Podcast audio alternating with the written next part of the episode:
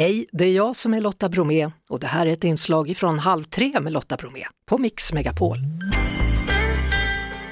Du, september och oktober är dina bästa månader. Ja, jag sa just det, Ja. tror jag. Jag får väl stå för det då. Ja, det får du stå för det, det. Nu har jag outat det, men det, Ja. det, det är skönt ändå. Ja, jag gillar det. För alla Eh, andra är det så här sommar. Nej. Ja, nej, men sommar är ju underbart på sitt sätt, men, men eh, just nu tycker jag det är skönt med en liten rock och man, sol och man kan fortfarande ha solbriller och man behöver inte gå påpälsad. Man får syre, syresätta hjärnan och tankarna, lite fina färger med gult och rött och lite grönt som är kvar. I like it. Nu måste jag gå igenom din lista här, för jag lovade ju det. Eh, Ondskan, ny tv-serie. Mm. Mm? Våras, våras gjorde vi den. Ja, check Ja, på den då, den check kommer på C More sen då. Jag tror det, det är där den ska vara. Ja, och där Ja. spelar du en, en god roll. Ja, gymnastikmagistern eh, Sosse kallar de honom. Ja. Jag kommer inte ihåg vad han heter nu. Men han är snäll i alla fall. Ja, det är en, det är en, han ger ungdomarna ett alternativ till våldet, att lösa saker via idrott. Sen har du också spelat in en film ihop med Lasse Hallström, en film som heter Hilma och har premiär den 17 oktober. Ja, de säger det. Mm. Och det är, jag gör en ganska liten roll, men jag gör hennes pappa när hon var yngre då. Hilma. Hilma, ja. Ja, spännande. Och Ja. sen har du ytterligare en grej på gång då, Jakt på ett vitt fält, Mm. film av Sara Gyllenstierna. Mm. Tre män på jakt som spårar ur Ja, kan man säga. och den är färdiginspelad. Den är färdiginspelad, vi blir klara i fredags och jag kom hem i lördags och sen eh, fick jag ha tvättstugan på söndagen och så kunde jag börja repetera den nya, min monolog här på måndag. Nu är vi ikapp Boom. tiden. Ja, Ja, verkligen. Du ska på turné med en egen historia då som du skrivit ihop med Benny Haag, Sista matchen. mm. Vad vill du att man ska veta om den? kanske är ju mindre man vet desto roligare kan det bli. Men det handlar ju om, om en missbruksproblematik som gäller oss som människor både på, i stort och smått. I mitt fall var det alkohol och droger på den tiden. Det är över 20 år sedan, 23 år sedan noga räknat. Och det berättas då om det här i korta drag, det är en man som kommer in i ett omklädningsrum och så ser vi att det hänger en boxningssäck där. Eftersom jag har förflutet som fighter så kan man, okej, för att vi har plockat allting som har med mig att göra när vi skrev den här monologen. Mm. Så att det ska skava lite. Eh, och sen börjar han minnas tillbaka på sitt liv som oftast monologer gör. Man börjar tänka bakåt och upp och prata med Gud och sig själv och så gestaltar man olika roller själv med lätta röster eller någon keps eller sådär. Så man leker med teaterformen. Men eh, det är väl det det handlar om och sen eh, glider han över i existentiella frågor och missbruket gäller ju inte bara en enskild människa som den här figuren eller i mitt fall utan det gäller ju hela mänskligheten skulle jag vilja säga. Vi exploaterar, liksom vi skövlar och vi far fram som en jävla gräshoppssvärm, det kan man säga. eller hur? Ja. Och så sätter vi oss själva i skiten eh, delvis nu med klimatet då som, och det är som en alkoholist som har kört på så får man pröjsa notan liksom. Vi har möjlighet att göra någonting åt det men fortsätter vi som vi har gjort så kommer det inte att gå.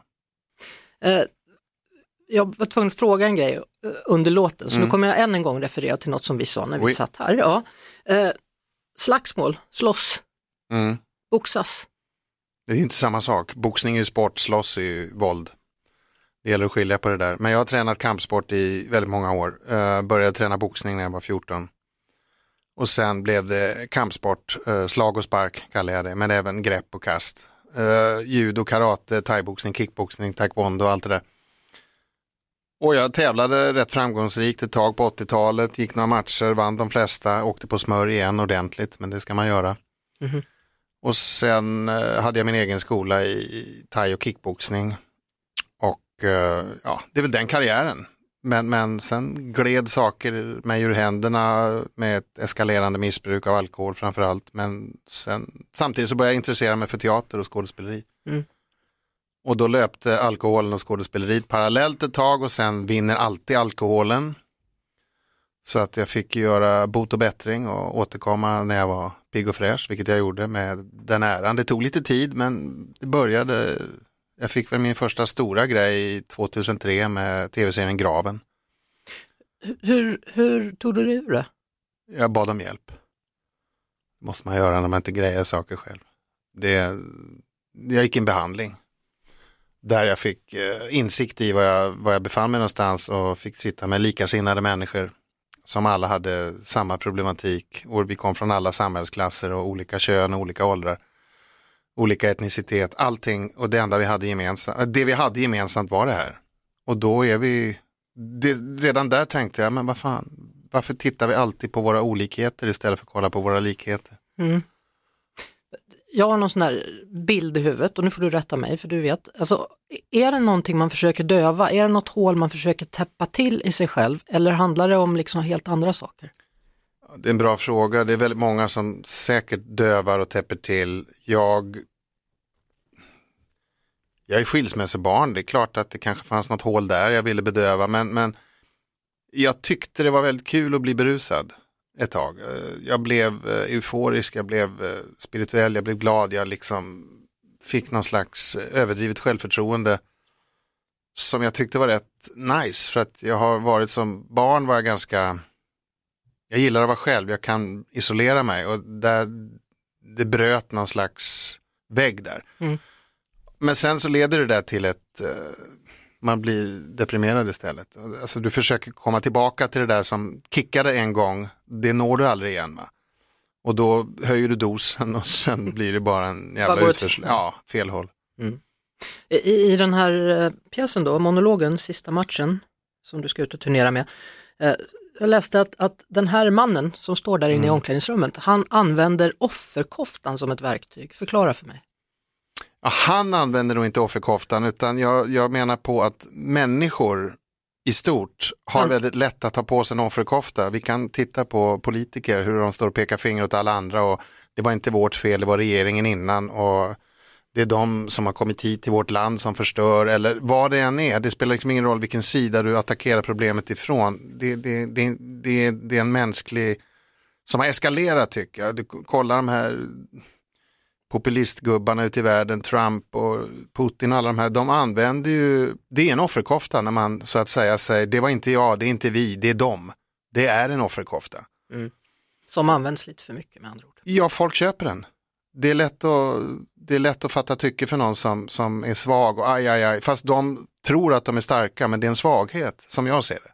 Du, din son, Eddie, mm. är med i föreställningen. Han är med som min lilla skyddsängel som sitter där och spelar instrument, ramar in föreställningen med vacker musik, med spännande ljud om det ska förstärkas någonting. Eh, det ska bli en ren lycka att få göra det här med honom. Ja, ni måste ju ha gått igenom det där tillsammans då, att, ja, att du hade ett missbruk som du jo, tog dig Jo, det gjorde vi ju på sätt och vis. Uh, hans första fem år var väl jag liksom, jag var inte riktigt närvarande. Vi, vi skilde oss tidigt hans mamma och jag och sen eh, fick hon ta det, det mesta för jag var ju på en annan turné liksom, Alko alkoholturnén.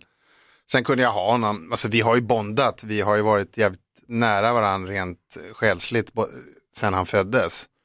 Men det var väl först när han blev fem år och jag kunde ta ansvar för honom som jag började prata med honom, som man gör till barn sådär om vad, vad jag har hållit på med. Mm. Och drog metaforer om att det finns mogna äpplen och omogna äpplen sådär. Efter ett tag, så när han var tonåring så hade han ganska bra koll på vad missbruk var. Vilket också ledde honom till en ganska skön, han kunde ringa mig första gången han var packad och sa hej pappa, får jag komma till dig? Lätt. Så vi hade ett förtroende där. Han behövde inte sådär som man gör i en viss ålder smyga undan för sina föräldrar utan han hörde av sig direkt på eget bevåg. Och det visar ju då att jag hade förvaltat det där bra på något sätt. Mm. Vad är ditt råd till tonårsföräldrar? Oj, vad svårt. Jag vågar inte säga något, tänk om det blir fel. Men, eh, nej vad fan. Oj, oj, oj. Det, det, det, alltid, det, varje situation är olika, men om man ser ett barn som far illa av, av ett missbruk själv, alltså de, generellt så drar man sig undan. Man vill inte prata, man orkar inte se sina föräldrar i ögonen, man, det kan ju också ligga latent i att man bara är obstinat tonåring, mm. såklart. Men, men jag och får man reda på det då, ja, man kan bara ställa frågan, vad, vad vill du att jag ska göra, kan jag hjälpa dig? Precis, finnas där. Ja, mm. för att trycka sig på någon, eh, det går inte. Man måste låta dem öppna dörren. Det låter jävligt eh, flummigt, men så är det. Du, du kan inte tvinga någon till att lyssna om de inte vill. Sista matchen heter föreställningen. Ja. Premiär så småningom. 19 oktober på Scalateatern. Vi spelar två stycken där, 19 och 20 oktober. Mm. Och sen åker du ut resten. Sen är det turné, sen blir det Växjö, Ystad och vidare ner till Göteborg och Örebro. Klara i november. Tack så mycket för att du kom hit. Tack snälla. Det var det. Vi hörs såklart igen på Mix Megapol varje eftermiddag vid halv tre. Poddtips från Podplay. I podden Något Kaiko garanterar östgötarna Brutti och jag, Davva, dig en stor dos skratt. Där följer jag pladask för köttätandet igen. Man är lite som en jävla vampyr. Man har fått lite blodsmak och då måste man ha mer. Udda spaningar, fängslande anekdoter och en och annan arg rant. Jag måste ha mitt kaffe på morgonen för annars är jag ingen trevlig människa. Då är du ingen trevlig människa, punkt. Något Kaiko, hör du på Podplay. Därför är gardinerna.